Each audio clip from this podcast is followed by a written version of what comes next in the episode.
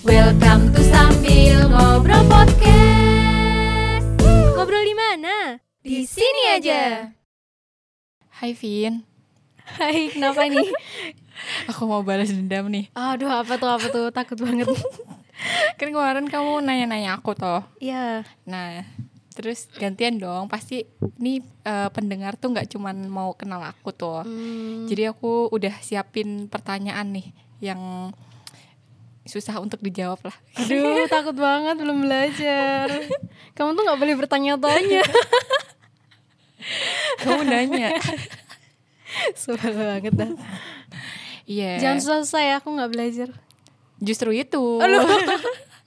Takut. Jadi penilaiannya nanti tergantung kamu bisa jawab berapa pertanyaan. Oh ya, kalau nggak bisa jawab, resign dari podcast. aku mau nggak bisa jawab aja. Aku ikut. Canda. Apa tuh? Apa sih yang mau dikepoin dari aku? Kayaknya nggak ada. eh ini sih apa namanya kan kemarin udah perkenalan tuh aku nah gantian nih kamu yang perkenalan kayak eh, kamu lagi sibuk ngapain gitu. Mbak kayaknya kamu tanya di saat aku nggak punya kesibukan. sengaja emang Mau malu-maluin aku ya. Oke, jadi eh ya udah tau lah ya namaku Vina gitu. Nggak usah tau lah nama panjang siapa nggak penting. Ya tinggal panjangin aja A-nya. Eh kesibukanku asli sekarang aku lagi nggak ada kesibukan. Karena aku habis lulus terus eh insya Allah eh, minta doanya mau lanjut sekolah lagi tapi Amin. eh, agak ke pending beberapa bulan gitu. Jadi belum mulai nih. Jadi ya udah sekarang eh ngapain ya? Podcast kali ya cuman kesibukannya gitu. Iya lagi siap-siap lah ya buat lanjut lagi Hmm, betul. Oke semoga dimudahkan Eh ini sih mau nanya-nanya kan kemarin kita lagi bahas eh, kamu tuh ini gak sih eh, hijrah atau suci, dari, lahir, gitu. Oke. Itu kan prolog kamu nanya ke aku ya. Nah, sekarang aku lanjutannya nih. Oh kirain mau nanya hal yang sama. Eh, Udah siap dong. jawab saya.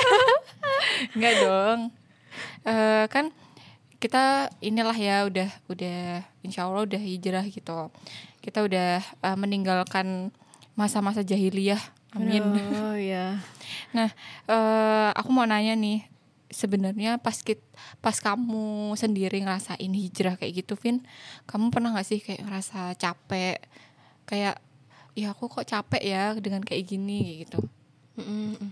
Oke, tapi mungkin lurusin dulu kali ya. Takutnya teman-teman ngira hijrah tuh eh, sebuah batu loncatan, sebuah step gitu loh. Padahal itu kan sebuah proses ya Iya. hijrah tuh dan kita eh, aku sama Mbak Linda pun juga masih dalam proses hijrah sampai Iya. sekarang pun dan sampai kita Sampai- mati iya, gitu bener. kan. Kita eh, harapannya pengen terus memperbaiki diri. Mm-mm. Eh, tadi apa capek enggak? Oh, jelas capek lah karena saya manusia. Kalau robot beda Iya, lagi. kalau robot tinggal diganti baterainya, terus dia bisa jalan lagi. Mm. Ya jelas ada capeknya lah dan eh, kayaknya pun nggak hijrah pun juga capek gitu loh. Iya sih. Jadi sama aja semua orang capek. Hmm, terus eh, pas apa ya ketika kamu hijrah tuh kan pasti ada ya beberapa hal yang harus kamu tinggalin nih gitu. Kayak oh dulu eh, perka- pergi ke mana-mana nggak pakai kaos kaki ya udah biasa mungkin kayak gitu. Atau eh, kita bebas nih main ke mana aja jam berapa aja gitu. Tapi setelah hijrah mungkin kita mengurangi itu bahkan kayak men- meniadakan itu gitu. Ada nggak sih kayak ih aku udah nggak bisa kayak gitu lagi kayak gitu gitu loh. Hmm, kayak semacam hal yang disesali gitu kali ya. Mhm. eh pastinya ada sih perasaan kayak gitu. Tapi aku ngerasanya bukan bukan sebuah penyesalan gitu loh. Lebih ke kayak aku pikir eh, normal kali ya. Kayak dulu tuh mungkin kita bisa lebih bebas gitu. Tapi sekarang dalam tanda kutip kita harus ngelihat-lihat nih eh ini tuh sesuai nggak sama aturan Islam? Ini tuh Allah suka atau enggak lebih harus memperhatikan gitu loh kalau yang dulu lakuin lakuin aja. Tapi sekarang kita harus lebih mikir-mikir lagi gitu. Sebenarnya bukan bukan disesali gitu. Aku aku nggak tahu nggak nggak merasa menyesal Hmm. untuk meninggalkan hal itu gitu loh. Malah kayak ngerasa bersyukur gitu sih. Hmm. karena mungkin apa ya? Kan aku nih for your information aku juga orang hijrah kan ya. Nggak nggak yang suci dari lahir gitu loh. Dan hijrah tuh juga meskipun sebenarnya eh, aku tuh diajak sama orang untuk hijrah tapi yang memutuskan untuk oke aku pengen berubah itu juga diri aku sendiri gitu loh iya. jadi kayak kesadaran dari diri sendiri gitu kan jadi karena memang itu sudah keputusanku dan aku eh, sudah menemukan sebuah alasan gitu loh. Kenapa sih aku harus hijrah? Kenapa aku harus di jalan ini? Dan alasannya itu tuh aku nggak punya nggak punya jawaban untuk ngelak gitu. Nggak bisa lari dari itu gitu loh. Jadi yaudah aku memutuskan untuk hijrah kayak gitu. Dan dulu waktu SMA tuh eh, nah karena aku orang hijrah, jadi aku sudah eh, sempat ngerasain tuh masa-masa nakal gitu kan. Aku ngerasa udah cukup puas di situ. tapi tapi jangan temen-temen yang eh, masih sekolah udahlah aku nakal dulu Nakal gitu dulu. kan. Enggak, enggak gitu. Dulu aku kayak udah kelanjur gitu loh, udah terlanjur gitu kan. Tapi eh, alhamdulillahnya pas masa-masa nakal itu eh, aku tuh masih dikasih Allah eh apa ya? akal untuk berpikir kayak gitu loh. Iya. Jadi aku tuh tipe orang yang mm, mikir kalau misalkan ada kejadian suatu kejadian di hidupku, aku selalu mikir kenapa ya kok ini tuh terjadi sama aku.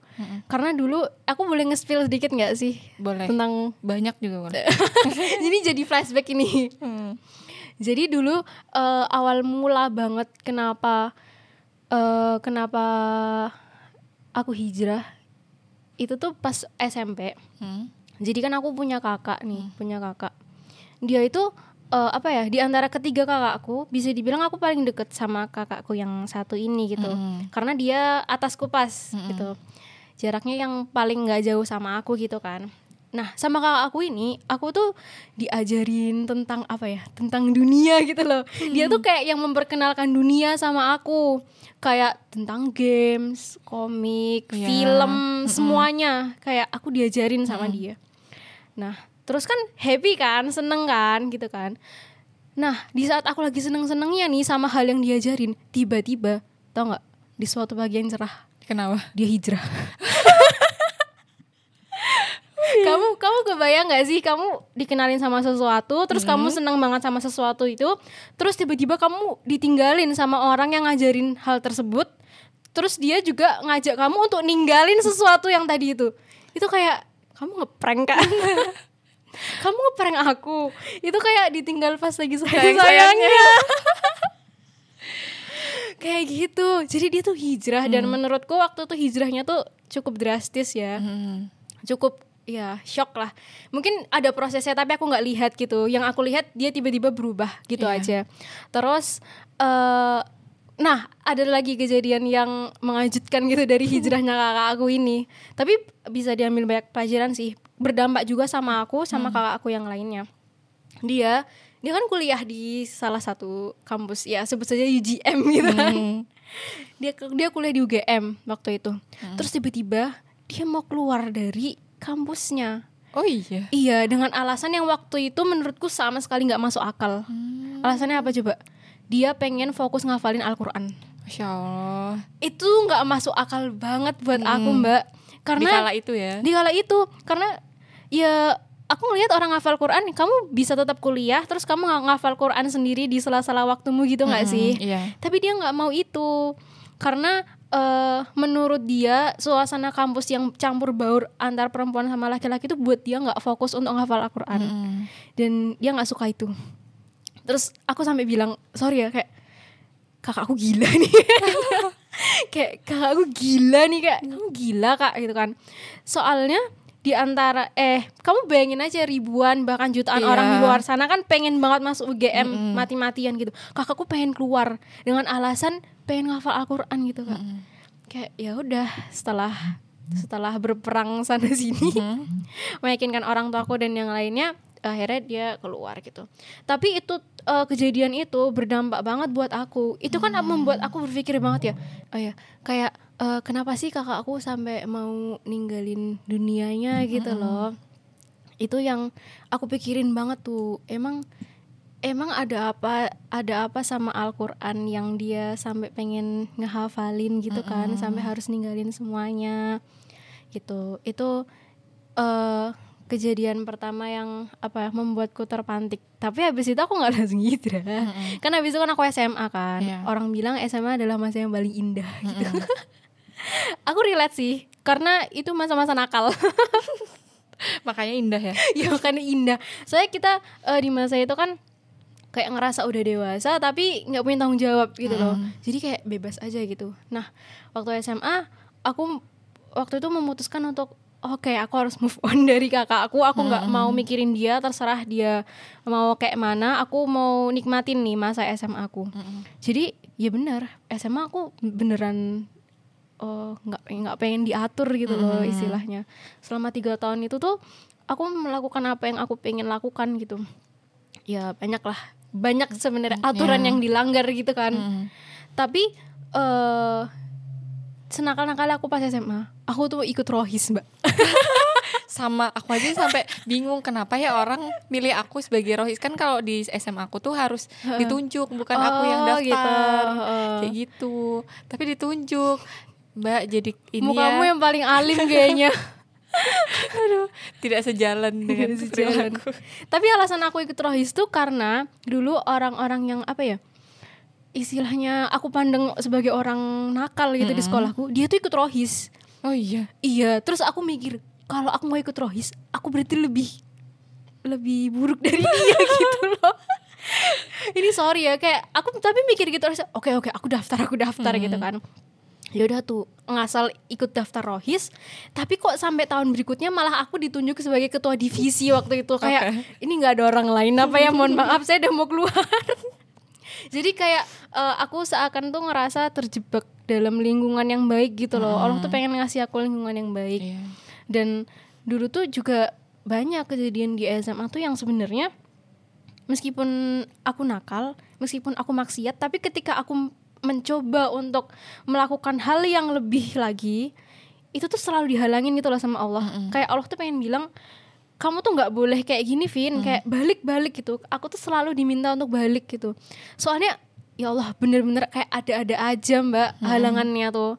Misalkan kayak aku mau main sama temenku kayak ngelakuin hal-hal anfaedah. Entah aku tersesat di jalan entah hujan deras entah bannya bocor kayak kenapa sih, Kenapa sih? gitu loh dan hal-hal kayak gitu membuat aku berpikir sebenarnya maunya Allah tuh apa gitu loh.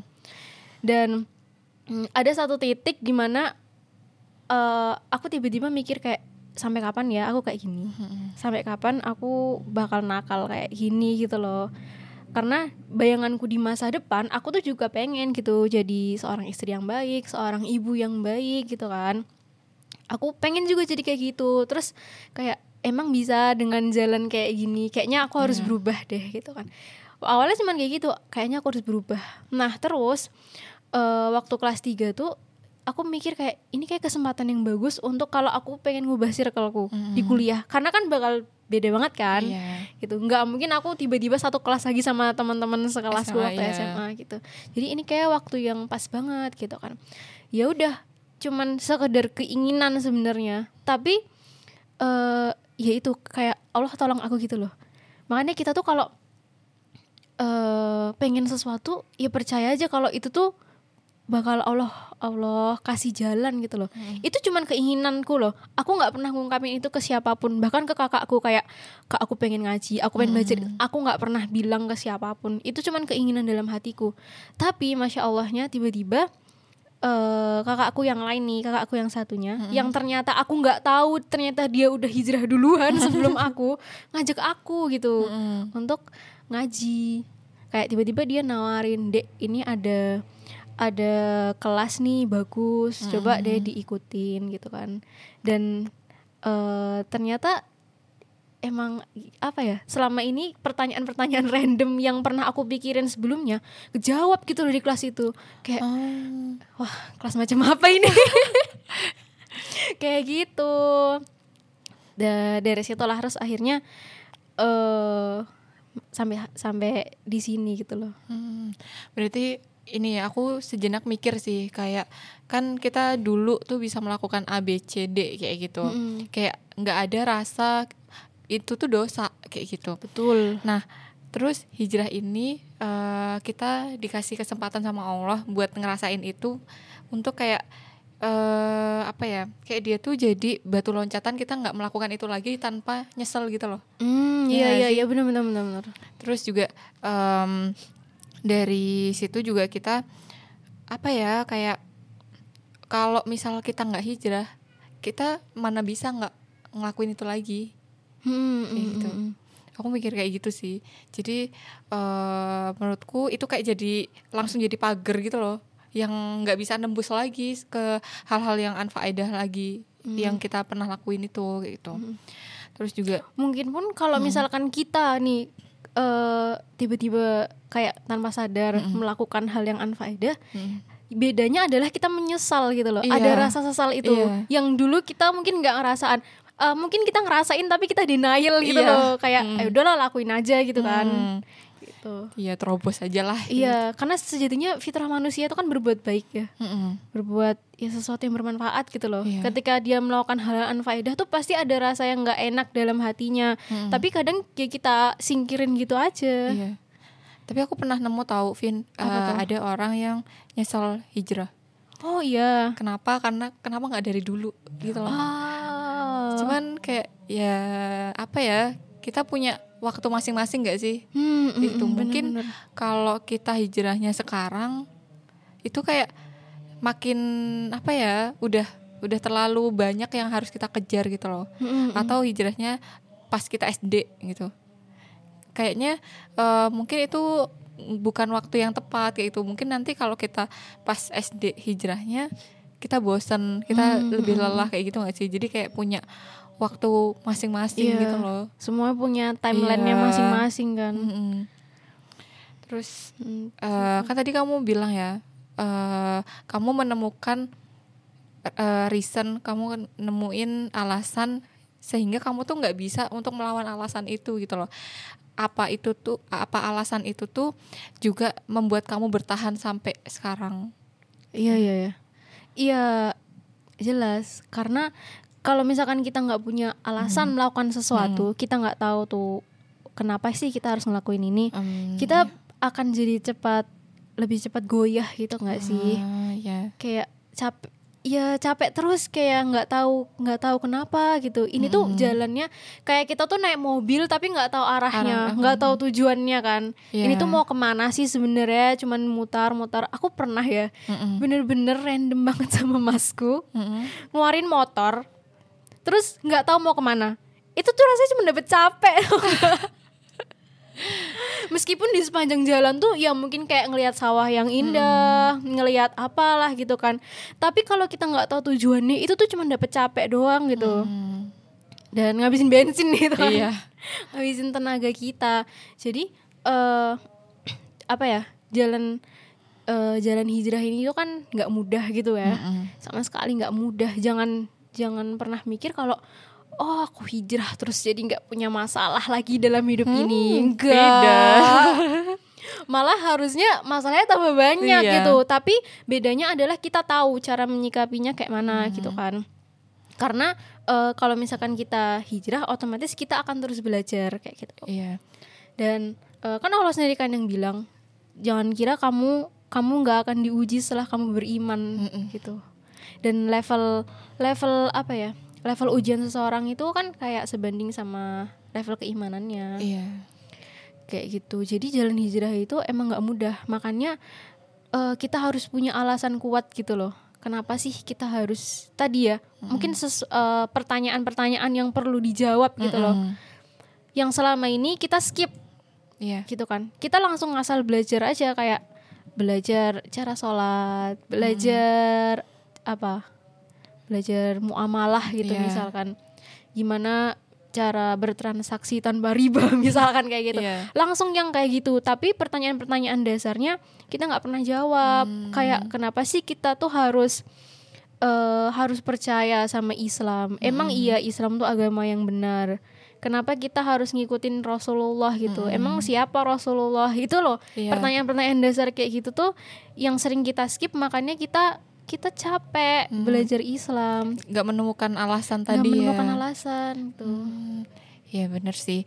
Eh, terus kan berarti ketika kita tuh mau melakukan sesuatu alasan itu tuh juga penting gitu ya. Kenapa Penting sih eh, kita melakukan itu? Kayak misal kita sholat nih tiap Hmm. tiap hari lima kali sehari kayak gitu. tapi kita nggak menemukan esensi kita melakukan ibadah itu buat apa Hmm, kayak gitu. betul. Kayak ya aku kayak gini karena ibuku min ibuku nyuruh aku sholat gitu Mm-mm. tapi sun ketika ibu kita udah nggak nyuruh oh iya Ya, kayak gitu gak sih? bener-bener Jadi alasan tuh juga bukan alasan yang sekedar ya karena aku disuruh. ah berarti cari alasan yang dia nggak bakal hilang Hmm, yang tadi kamu bilang nggak bisa di apa sih nggak bisa dilawan nggak bisa kan? nggak bisa dilawan lagi nggak bisa dielak lagi Iya. Tuh jadi bukan karena perasaan kita sendiri kan. Mm-mm, benar Ya terus eh ini Vin. Kalau misal nih kan namanya hijrah tuh kan banyak banget ya tantangannya kayak oh, banget. banget kayak itu tuh bukan solusi untuk nyelesain semua masalah kayak gitu. Mm-mm. tapi bakalan ada kok nemuin masalah-masalah lain kayak gitu. Nah, pasti kan kita ketika nemuin masalah walaupun ya sama aja sih orang yang belum hijrah dan hijrah pun juga akan merasa capek nih kayak gitu. Kita ngerasa kok gini amat sih gitu. Kok cobaannya gini amat sih kayak gitu.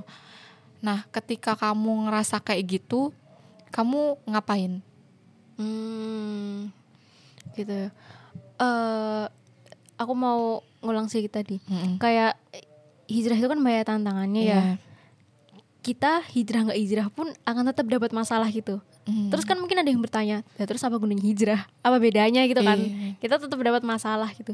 Bedanya adalah kalau misalkan kita hijrah, kita mulai mengenal Islam, kita mendekat ke Allah. Yang pertama hati kita pasti lebih tenang Hmm. kayak gitu karena eh kalau misalkan kita lebih mendekat ke Allah Allah tuh bakal lebih lebih Dekat mendekat lagi, lagi, iya. ke kita kayak gitu dan itu secara otomatis akan membuat hati kita lebih tenang. Kalaupun masalahnya itu nggak selesai selesai tapi kalau hatinya tenang kita ngerasa kayak ya udah nggak sih? Kayak mm-mm. slow aja ngejalaninnya gitu loh. Tapi kalau misalkan kita kita tahu cara ngadepinnya tapi hati kita nggak tenang gerusak gerusuk ya tetap aja itu nggak bakal bisa eh, kelar gitu loh.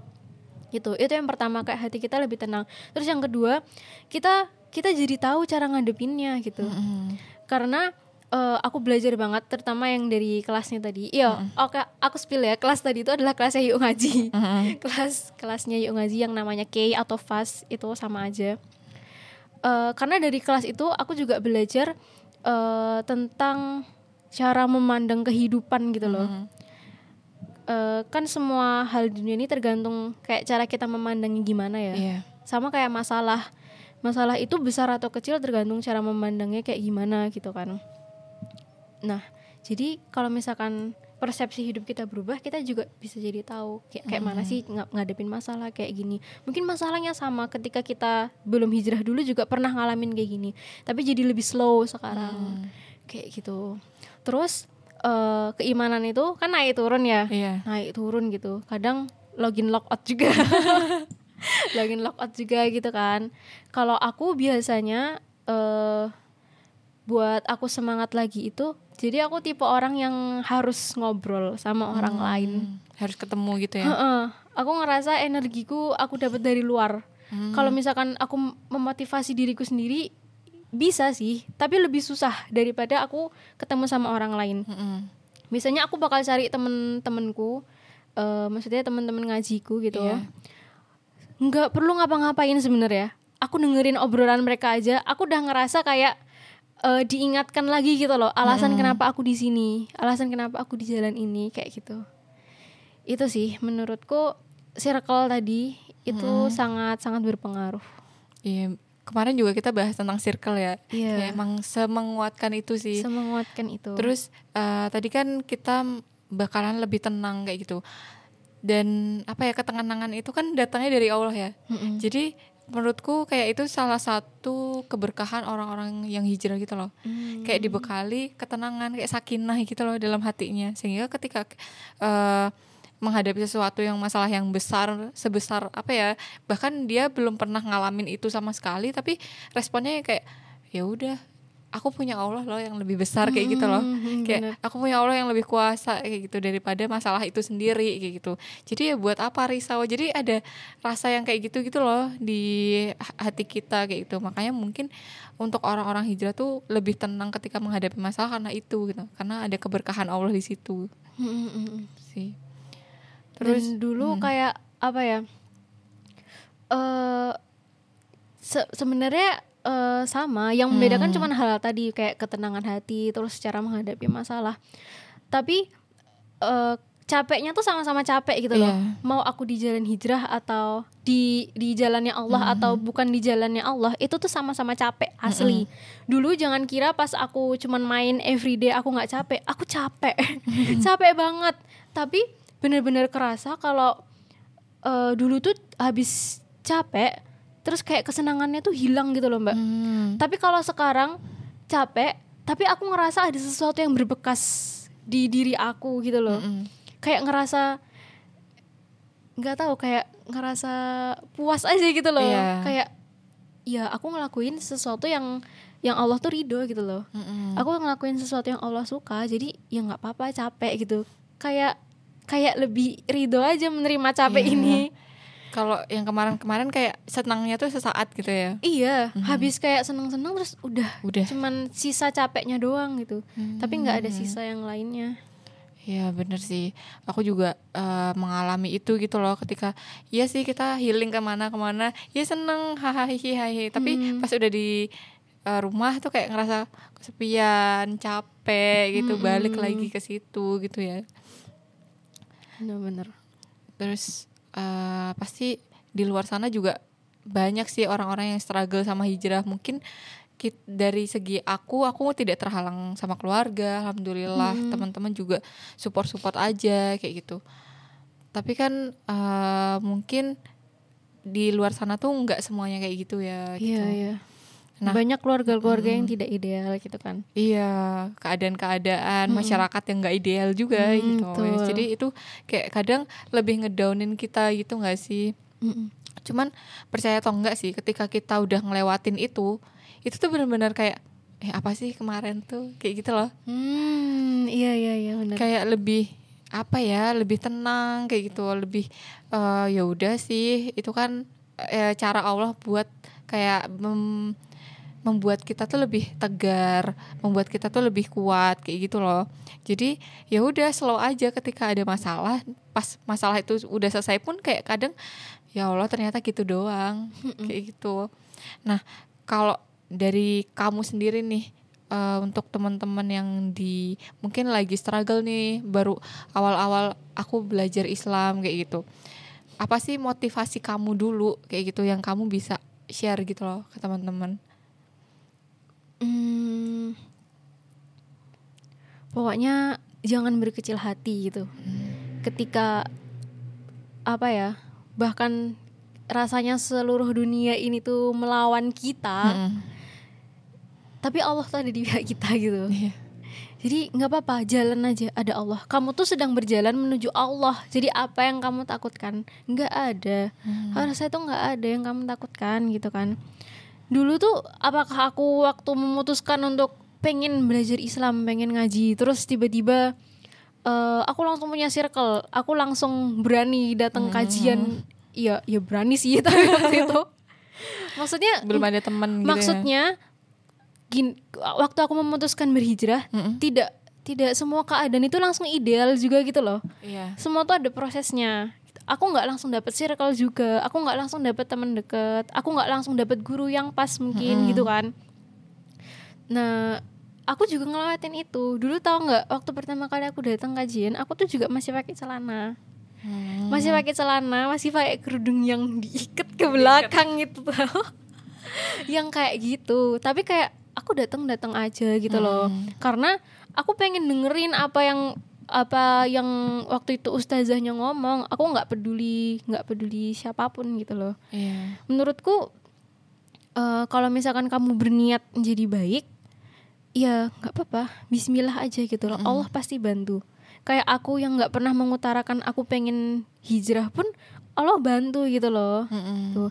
dan apalagi mm, aku ngelihat makin ke sini kan apa ya eh, Islam tuh makin mudah untuk diakses gitu loh. Iya, benar. Ini tuh jauh lebih mudah daripada ketika aku dulu waktu SMP SMA. Sekarang tuh udah jauh lebih mudah gitu kan. Kamu bisa memulai kalau kamu nggak nggak berani memulai langsung datang ke kajian offline, coba dulu yang online gitu. Iya, YouTube banyak. YouTube banyak, Spotify, Iya. Noise. Bahkan eh, reels-reels di Instagram atau TikTok itu kan kita udah bisa dapet ilmu dari video yang semenit dua menit itu Iya. kan gitu. Menurutku sekarang tuh nggak ada nggak ada alasan sama sekali untuk kita nggak kenal sama agama kita gitu loh. Gitu. Kalau apa ya? Hmm, dulu tuh aku sempat mikir ini salah satu pertanyaan randomku dulu ya Iya.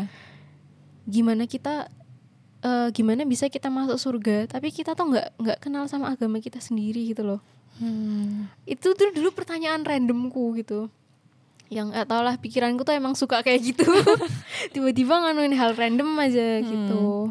Jadi buat temen-temen yang eh, struggle mungkin karena lingkungannya Iya. belum ideal nggak apa-apa semua hal baik tuh dimulai dari diri kita sendiri gitu. Jangan nyalahin lingkungan. Yang nempatin kamu di lingkungan itu tuh Allah. Hmm. kalau kamu nyalahin kenapa aku ada di sini? Berarti kamu nyalahin Allah gitu loh. Jadi eh, semua tergantung sama pilihan kita. Kita ditempatin di situ coba deh eh, apa ya coba berpikir sejenak gitu apa yang bisa aku lakukan gitu. Mungkin kamu bisa mengubah dirimu sendiri terus kamu akan mengubah lingkunganmu. Iya.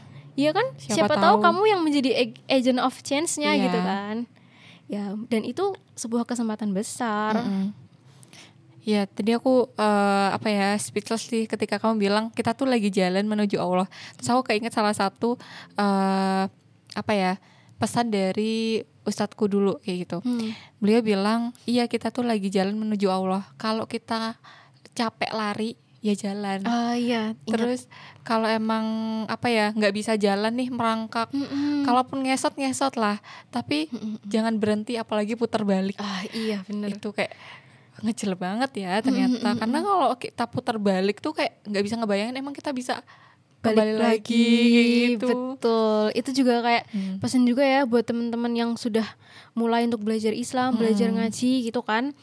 Eh, kita tuh udah ada di jalannya Allah. Iya. Jangan sampai kita balik lagi ke jalan maksiat gitu. Karena Iya. ketika kita udah balik lagi ke jalan maksiat, terus kita mau balik lagi nih ke jalannya Allah, itu tuh 10 kali lebih susah iya daripada kita waktu memulai dulu. benar banget Tuh. iya sih dan eh, aku pun juga pernah mengalami di mana kayak bukan putar balik sih cuman Hmm. kayak ngerasa aduh ini udah udah terlalu jauh gitu untuk balik ke sananya tuh kayak ya Allah sampai nangis nangis karena susah banget circle udah agak jauh kayak gitu gitu loh. Jadi itu jadi cambukan ke diri sendiri sih kayak iya kalau emang kamu capek tuh jalan aja pelan pelan kayak gitu. Tapi jangan putar balik kayak gitu. Mungkin gitu sih. Terus eh, kan ini cerita kita berdua ya kayak gitu Hmm, Nah, kita tuh juga pengen nih eh, dengar cerita teman-teman kayak Betul gimana banget, kayak gitu. Iya, soalnya kalau dari aku sama Mbak Linda kan mungkin apa ya perjalanan hijrahnya tuh nggak yang terlalu naik gunung, Iya. nyebrang jurang gitu kan. Iya, mungkin dari teman-teman tuh punya cerita yang Lebih eh, heroik Lebih heroik iya. gitu. Terus kalau mau share di eh, kalau mau cerita di mana sih, Vin? Oh, Enaknya? nanti kita eh, siapin tempat buat Oh, oke. nampung curhatan teman-teman gitu Hmm, kali ya. Iya, disiapin aja ya berarti. Iya, eh, Oke, gitu sih. Eh, kan ini kita udah satu sama lain udah tanya-tanya nih. Iya. Nah, untuk kesempatan berikutnya giliran teman-teman nih yang ngirim ceritanya, hmm, ngirim kita tunggu ya. Iya, kayak gitu. Insya Allah kita bakalan bacain di sini bareng-bareng kayak gitu. Iya, siapa tahu kita bisa ngasih eh, apa pandangan kita juga kali ya. Hmm, iya. Kalau misalkan teman-teman butuh bantuan atau apa, bisa juga di-share di situ. Hmm. Iya, gitu.